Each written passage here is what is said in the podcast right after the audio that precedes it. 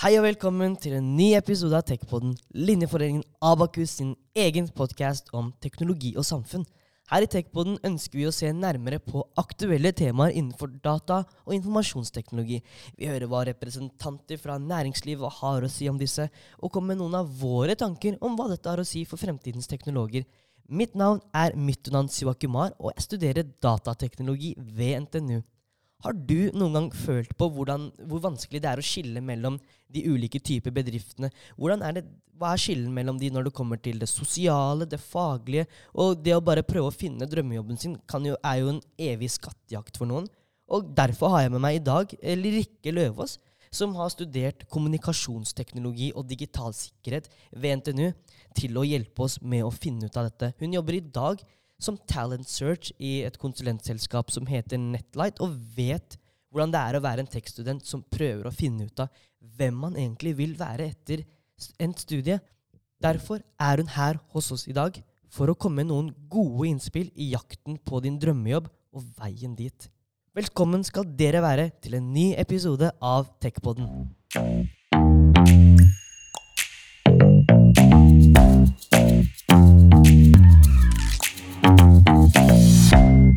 Yes, dette er uh, første episoden av den nye sesongen av Techpodden. Og i dag har jeg med meg offeren Rikke Løvaas. Og oi, oi, oi. i dag skal vi jo prate om Dette det, kan høres litt filosofisk ut. Hvem er det jeg egentlig? Hvem er det du egentlig vil være etter en studie? Eller så kan man si det på en annen måte. Hvordan finner man drømmejobben sin? Og derfor har jeg med meg Rikke Løvaas. Eh, talent search i Netlight. Det høres litt fancy ut. Det er ganske Og, fancy. Ja, hvorfor, hva, hvorfor er du her i dag? Hva er det du har Oi, godt spørsmål, egentlig. Uh, aner faktisk ikke. Nei, vet du hva. Jeg, jeg jobber med rekruttering i, i Netlight. Uh, men jeg har jo også vært Comtex-student. så uh, jeg liker litt å tro at jeg har skal jeg si, begge sider av en sak. Jeg kan, kan mye om hvordan det er å være student på NTNU. Men jeg kan også mye om hva man skal se etter da, når man skal jobbe, og, og hva kanskje bedrifter ser etter. da. Ja, og vi er jo inne i høysesongen nå for, mm -hmm. for sommerjobber, for å søke fast jobber for de som skal det. Ja, og ja, ja. hvordan sånn, Så er det inhouse, startup, konsulent. Så skal alle de konsulentselskapene fortelle at de er forskjellige fra alle de andre, men så skjønner ikke vi studenter hva som differensierer de ulike. Mm -hmm. Men vi kan jo starte med litt sånn begrepsavklaring. Eh, hva er mm -hmm. inhouse, hva er konsulentselskaper, og hva er startups? Uff, det er en uh, Det er OFD igjen. Wow. det er en jungel av begreper der ute, altså. Det er eh, kjempelett å, forvirre, å bli forvirret og gå seg litt vill som student. Altså, vi kan jo ta litt sånn basic eh, begrepsdefinisjoner. Altså inhouse, sant, eller et produktselskap. Det er gjerne selskaper som har et eget produkt som de utvikler. De, eller de selger ut kanskje type hylleløsninger eh, til andre bedrifter. Hva er hylleløsninger? Nei, det kan være ferdiglagde systemer, altså løsninger, da. Måte, systemløsninger til, til andre bedrifter. F.eks. nettbutikkløsninger eller CRM-løsninger. Sånne ting, da. Noen eksempler på inhouse-selskaper? Mm, ja, selvfølgelig. Altså Finn.no er jo et inhouse-selskap. De videreutvikler jo sine egne sider. NRK er et inhouse-selskap, f.eks.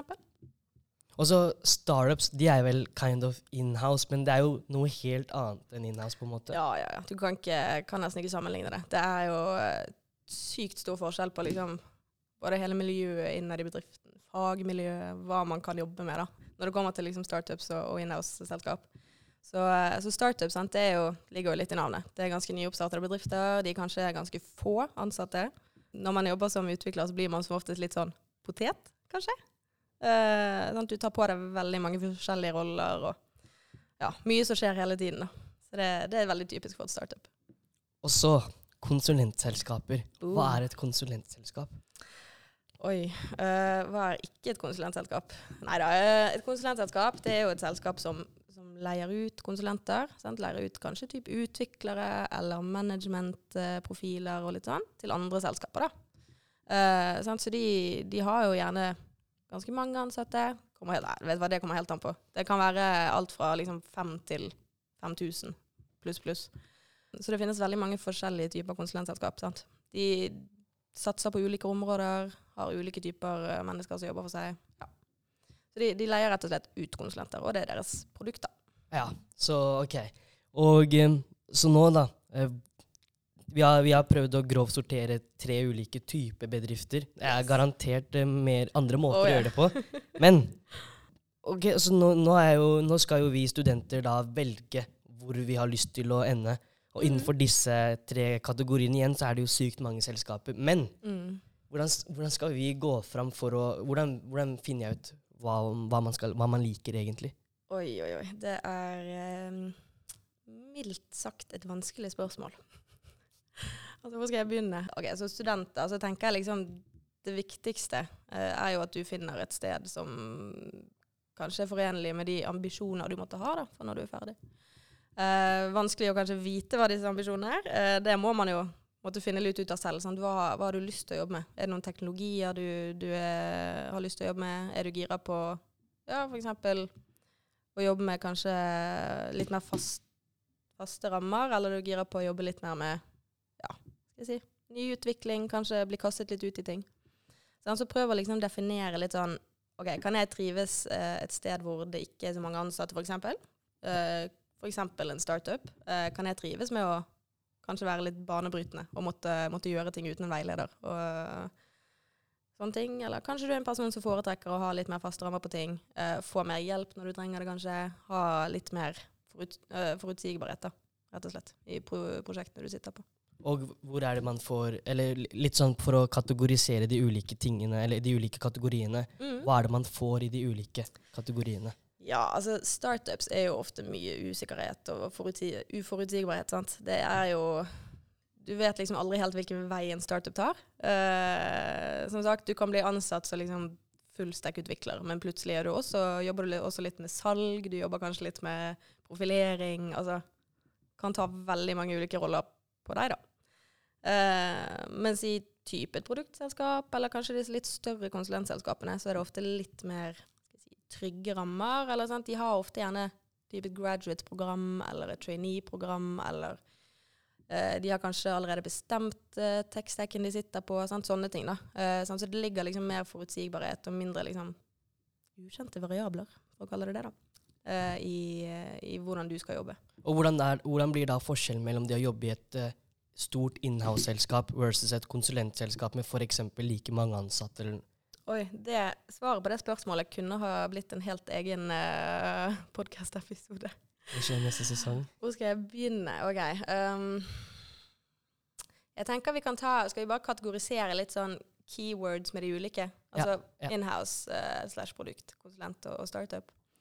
Ok, Så et produktselskap, da. De, eh, hvis du blir ansatt som utvikler i et produktselskap? Så, så får du kanskje testet veldig mange ulike prosjekter, men alt er jo naturligvis hos samme kunde, da. Og det er jo selskapet du jobber i. Ja. Sant? Så, så Eh, core, core kjerneproblemet du løser, er den samme ikke alltid. ofte. Ofte, ja. Altså det, sant? det kommer litt an på hva slags type utvikler du er. Det er sant. Men, men alle prosjektene på en måte vil være hos samme kunde, og det vil kanskje være rundt samme produkt. sant? Ja, så ja, ja. ulike deler av den prosessen rundt der. Det, det kan typisk være for et uh, inhouse-selskap. da. Um, sånn, de har ofte litt sånn fastsatte avdelinger uh, for kanskje spesielt utviklere. sant? Frontend-avdelingen, backend-avdelingen. Um, så det er jo også noe som kan være verdt litt å tenke på. Um, I mange tilfeller, spesielt for ganske store inhouse-selskaper, sånn, så er jo ofte tech-stekken satt.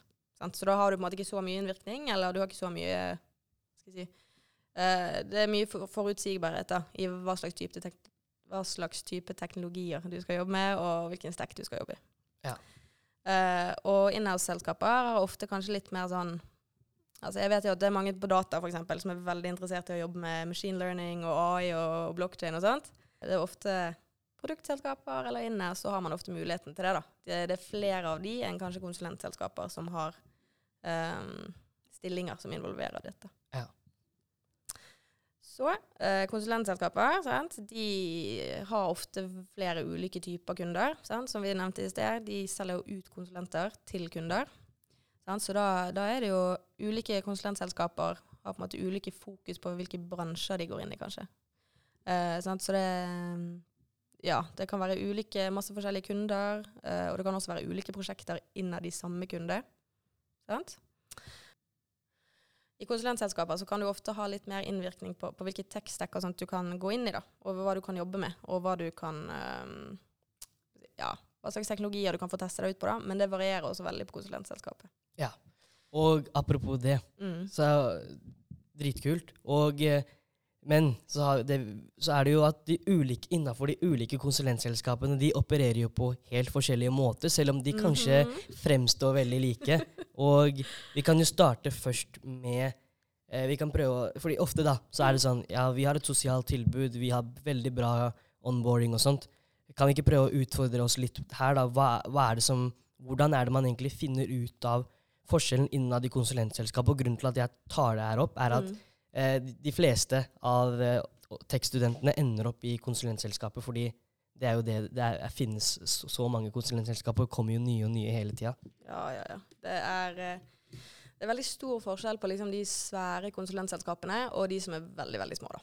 Kjempestor forskjell i hva slags type prosjekter du kan få som konsulent, eh, hvordan det sosiale miljøet er og litt sånne ting. da. Jeg tenker, Uh, altså jeg får det spørsmålet veldig ofte fra studenter som er veldig usikre på liksom, ok, jeg synes tre-fire ulike konsulenthus uh, er dritkul, men jeg ser ikke forskjell på dem, liksom. Jeg skjønner ikke hva jeg skal se etter. Kjent problem. Så veldig, veldig godt spørsmål. Um, ja, det er jo på en måte et par sånne småting som man kanskje ikke tenker så mye over som student. Og sånn, det første jeg har lyst til å nevne da, er leveransemodell. Um, det er et konsept som kanskje ikke er så veldig kjent for mange, uh, og som man kanskje ikke helt Altså det er ikke helt naturlig at man tenker over det som student, men det handler om hvordan konsulentselskapet selger ut konsulentene sine. da. Uh, og det henger jo ofte veldig tett sammen med hvordan ellers konsulentselskapet funker, og hvordan det på en måte fungerer i praksis. Så du har, Jeg liker å dele litt opp i sånn tre bolker. Ja. Du, har, du har de som selger ut ganske store team. Eh, masse, masse konsulenter som skal ut til samme type kunde, eller samme kunde spesifikt. Um, sånn, så de skal på en måte ha et uh, satt antall front-end-utviklere, et satt antall backend-utviklere, antall designere osv. Uh, som alle havner hos, hos samme kunde og på samme prosjekt. Ja.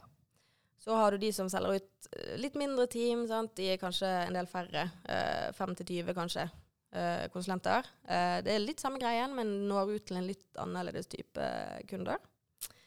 Og så har du, har du de som selger ut enkeltkonsulenter, da. som som f.eks. er det Nettletur. Og, og ja, så hvordan, hva er på en måte, eller hvordan opplever du fors forskjellen mellom disse ulike leveransemodellene er, i forhold til den, eller en konsulent da, Mm. kunne valgt mellom de ulike leveransemodellene? Hva er på en måte forskjellen på det vedkommende får? Ja, altså nå skal jeg prøve å ta det fra et litt sånn uh, si, Uten å være for uh, farget av stedet jeg jobber, da. Men uh, altså det, min oppfatning er det at uh, når du selges ut i store team, og, og litt mindre team selvfølgelig, så har du kanskje litt hva skal jeg si, fastere rammer, sånn som vi snakket om. Tekstdekkene er kanskje allerede satt. du har på en måte et fast opplegg du skal gjennom. eh, du blir solgt ut som, måte, som et hode, da, kan man si. Sant? Um, så det er stor forutsigbarhet i, i hvilke type kunder du får, hvilke prosjekt du får, og litt sånne ting. Uh, mens det å bli solgt ut som enkeltkonsulent, det involverer kanskje mer si, arbeid for konsulenten med å altså Ofte sant, så må de gjerne i, i kundeintervjuer. Sant? De må møte kunden de eventuelt skal sitte hos, uh, og, og selge seg selv ut, nesten. Um? Og det involverer jo på en måte at du må i, i intervjuer eksempel, med kunder. Ja. Um, men så er det kanskje mindre fastsatt. Altså, du kommer kanskje ut til mer nyutviklingsprosjekter. Uh, litt mer ja, hva skal jeg si, Får kanskje kunder som ikke har behov for veldig store team med, med konsulenter. da, Som kanskje har behov for én konsulent eller to konsulenter. Uh, og da når man ut til en litt annerledes type kunde enn det man gjør med, med veldig store team. Um, sant? Så du har kanskje litt mer valgfrihet når du med tanke på faglig utvikling, liker vi å si da, eh, når du blir solgt ut som enkeltkonsulent. Eh, Men det kommer jo også helt an på tilbudet konsulentselskapet ditt eh, eventuelt har da, for faglig utvikling. Ja, Og for, for å finne ut av det her, Mm. hva slags type spørsmål skal man utfordre de ulike selskapene med? På stands, på Ja. bedriftspresentasjoner, på mail. Mm. Og hvor skal man gjøre det? Skal, man, skal jeg bare sl slenge opp LinkedIn og bare Hei, fra en du konsulent. Hvordan How does this work? Hva er livet? Nei, uh, vet du hva, jeg digger det når folk på en måte kommer bort og stiller meg spørsmål rundt sånn hvordan selger dere ut konsulenter? Uh, det viser at man, man, er oppriktig engasjert i å få vite hva er det som skiller et konsulentselskap fra, fra andre selskaper. Uh, så det er ingenting gale med å oppriktig bare liksom stille det spørsmålet clean. liksom. Ja. Både på stand og på bedpresser og i intervjuer og sånt. Det viser jo at du tenker litt over mer enn bare lønn, f.eks. Ja. Um, hvis ikke du har noe bedpress, eller noe sånt, så er det jo altså, typisk prøv å komme i kontakt med en rekrutterer. Sant? Det er et kjapt LinkedIn-søk. Uh, de er som oftest ganske synlige også på stillingsannonser på abakus.no, f.eks. Og eh, bare for å utfordre deg litt der. Mm. Eh, hvordan skal jeg, eller hvordan finner lytterne våre ut av eh, hva som passer dem? Eh, nå snakker vi om leveransemodell. Fordi Ja. det, jo, det kan være en deal-breaker for noen, kanskje. Absolutt. Ja, altså jeg tenker tenk litt over hvordan du liker å, å utvikle deg faglig. Hvis du er en som er veldig avhengig av altså, Det er noen som er veldig avhengig av f.eks. å kunne lese ting og ha full kontroll over på en måte, hvilket tempo faglig utvikling skjer i. Sant? Da er jo gjerne selskaper som har mer eh, ja, type sertifiseringer og, og mye liksom Du har mye innetid da, og, til å forberede deg før du går ut til kunder og sånt. Det kan jo være lurt for en, for en sånn person. Sant? Da har du litt mer oversikt over eh, Hva skal jeg si progresjonen din, kanskje. Nei, det, eller det har du ikke. At da, da, da har du på en måte mm, Ja. Det, det, er typ, det er mange selskaper som baserer seg veldig mye på sertifiseringer og selger ut konsulenter med, med sertifiseringer. da. Mens øhm, øh, Ja, altså hvis du er mer glad i Altså hvis du er mer typen til å være litt sånn get your hands dirty, teste ut ting, uh, ikke være så redd for å feile, så, så kan jo absolutt øh, det å være eller bli solgt ut som enkeltkonsulent være noe for deg, da. Ja. Og eh, for å bevege oss litt mer inn mot eh, det sosiale type og onboarding og hele den, det opplegget her, da. Eh, mange er jo Jeg tror mange spør, stiller deg det spørsmålet her. Ja, hvis man blir solgt ut som konsulent, føler man seg egentlig en del av det selskapet. Mm. Og så er det den der eh, hvor med onboarding, da. Eh, du, du skal sitte hos en kunde. Mm. Eh, hvordan er det liksom onboardingen i det selskapet du egentlig jobber hos, fun fungerer? Mm. Hvordan, hvordan kan man på en måte prøve å finne ut av det her? Mitt number one tip der er at jeg møter veldig mange som kun snakker med rekrutterere i en bedrift, så de vurderer.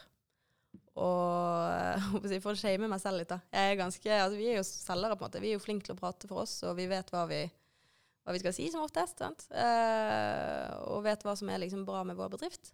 Jeg tenker fra en tidligere student til en annen student, prøv å ta kontakt med en som, som jobber som f.eks. utvikler i bedriften. Og det er faktisk det er ingenting galt i å sende en LinkedIn-melding eh, til, en, en konsulent i bedriften. Fordi at uh, i hvert fall for oss uh, i Netlight så er vi liksom opptatt av at konsulentene våre det er de som kan ting best. Det er de som vet hvordan det faktisk er å jobbe som konsulent. Og vi har liksom alltid et fokus på at hvis du lurer på ting, ikke nøl med å ta kontakt med noen som, som jobber som konsulent. Så hvis, hvis du på en måte er mm, interessert i en bedrift, så anbefaler jeg å gjøre det.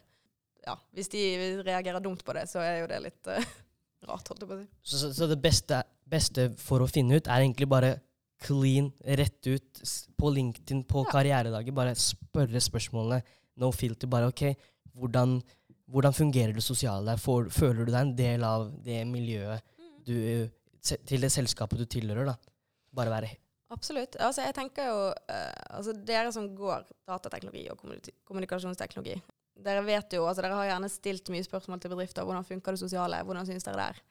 Eh, og hos de aller fleste Får det samme hele tida. Ja, hos de aller fleste selskaper så er det sånn Det sosiale er kjempebra, det skjer ting hele tiden. Hvordan skal vi utfordre de til å finne ut om vi og for, våre lyttere hvordan passer mm -hmm. Vi klarer jo ikke det når, når alle sier at det er så kult der. Mhm. Altså Noe som var viktig for meg, i hvert fall, da, det var jo litt sånn OK, det skjer kanskje mye sosialt, men hvem er det som arrangerer dette? Er det en, er det en, en som står og arrangerer alt som skjer i bedriften? Eller er det HR? Ja, eller er det HR, ja, eller er det faktisk de ansatte og konsulentene også, som er med å, å dra med liksom, lasten på det sosiale, da. Uh, så det er jo absolutt noe som man kan spørre litt om.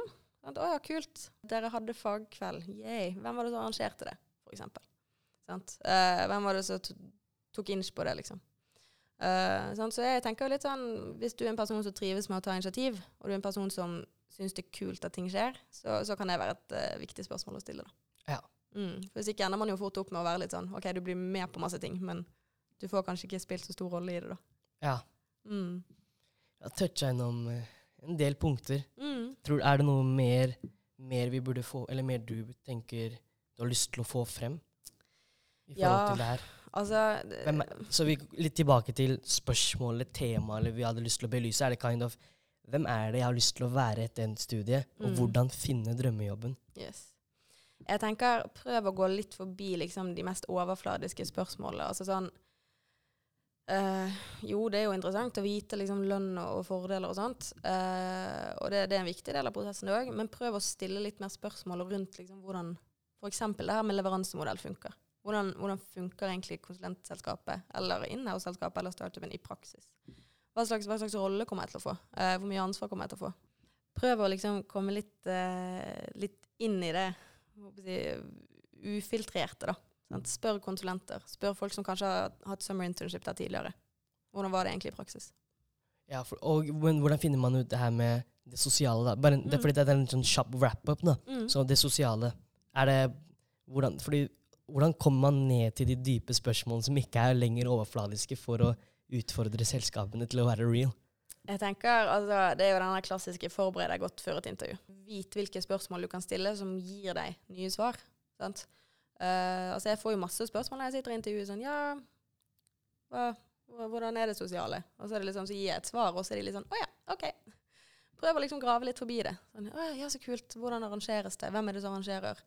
Uh, hva er blandingen mellom faglig og, og kanskje liksom kun gøy, da? Sånn, sånne ting. Det kan være kult og, og, og viktig å vite. Um, ja. Prøv å liksom forberede deg godt på hva slags, hva slags verdier er det en, eh, et arbeidssted har. Hvordan kan jeg utfordre de verdiene? Hva innebærer de verdiene? Mm. Det var en, det var en fin wrap-up. Thank you. Ja. Og um, vi er jo inne i, nå i en høysesong, som jeg nevnte i stad, med å søke jobber. Ja. Så litt sånn eh, Litt tilbake til, eller en, til noe annet. En liten avsporing mot slutten nå. Har du noen life hacks eller bare sånn pro tips når man skal søke jobb, sommerjobber? Nå, nå, nå går vi litt i mer sånn søknaden, og ikke det å finne bedrifter. Mm. Ja, ja, ja. Hva skal jeg si? Det viktigste for meg når jeg leser en søknad, det er eh, til summer internship, det er å se liksom, Jeg vil se motivasjon. Skjønner du hva jeg mener? Uh, altså, ja, jeg har vært igjennom den der uh, Alle alle sier det, og så er det sånn Mm. Prøv å skille deg ut. Men hvordan skal vi vise at vi jeg håper jo at eh, Mm. de fleste studenter er jo motiverte. De er jo sultne etter å komme ut og jobbe. Ja. Kunne bruke det de har jobba for, mm. og faktisk anvende det. Mm. Men så er det sånn, så er det sånn Skill deg ut. Altså, øh, ja, de fleste studenter er jo veldig motiverte og sultne på å jobbe, men du merker på en måte forskjell på de som faktisk har gjort en liten innsats for å prøve å finne ut ting om selskapet på forhånd. Da. Sånn, sånn så når jeg leser søknader, sånn, så eh, for eksempel altså I Netlight så er vi jo veldig opptatt av at de som jobber hos oss, skal være veldig eh, altså De skal være glad i å løse problemer. Det skal være mennesker som, som liker å ta initiativ og, og liker å, å utfordre seg selv litt. Sant? Liker å hoppe litt ut i the deep end. Så, og da vil jo på en måte en typisk kandidat som vil være motivert for kanskje å akkurat jobbe hos oss, resonnere godt med de verdiene. Sant? Ja, jeg liker, å, jeg liker å teste nye ting. Jeg liker å, å hoppe ut i ting og, øh, og lære meg masse og bare liksom prøve det i praksis, og ikke måtte bare sitte og lese. Og så kan man, kan man da også vise de konkrete eksempler på ting man har gjort som på en måte er Absolutt. aligna med de, de verdiene der. Absolutt, absolutt. absolutt. Altså jeg tenker på en måte Det jeg prøver å fortelle til mest mulig studenter, som jeg føler jeg har begynt å se litt mer av det, og det er kjempegøy, det er det at uh, altså erfaring er noe av det viktigste du kan få deg og skaffe deg for å få deg jobb. Jo da, altså gode karakterer, det, det er gull, det. Um, men å ha liksom praktisk erfaring og har reell erfaring, det slår ganske, ganske mye, altså. Så med en gang du på en måte har fått sittet på et reelt prosjekt hos en kunde, eller hatt et summer internship eller deltidsjobb, sant, så har du på en måte veldig mye å, å slå i bord. Da Da har du en CV-post, liksom, allerede. Bare for å Jeg syns det er jo dritspennende. Eh, og eh, så er det første- og andreklassinger. Ofte får de ikke summer internships eh, Mm. så tidlig, eller noen deltidsjobber. Har du noen tips til, de, eh, til hvordan man kan få reell erfaring som ikke kun er å prøve seg på et prosjekt? Fordi det blir ofte en tutorial som man følger, Ja. som man egentlig ikke lærer noe. Du bare følger en tutorial og gjør det samme der. Ja, ja. Men en sånn, hvordan får første- og andreklassinger reell erfaring? Um, ja, altså Det jeg på en måte har merket litt mer i det siste, er at det er jo sykt mye kule startups, for det første, på NTNU.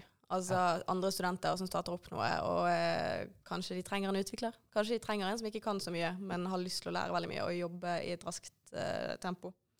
det kan jo absolutt være en veldig fin måte å få mer erfaring. Um, på en måte Bind deg litt til et hobbyprosjekt, kanskje. For eksempel ah, tanten min skal ha en nettbutikk til å selge mm, hjemmelagde malerier. liksom. Jeg vet da søren. Eh, et eller annet som på en måte du er hvor du er bundet til en eh, leveranse. da. Det kan være kult. Um, utenom det så, så var det et skikkelig kult initiativ på, på LinkedIn. Eh, både i 2020, koronaåret 2020, eh, underveis i sommeren. Og jeg så noen i, i år òg. Ja.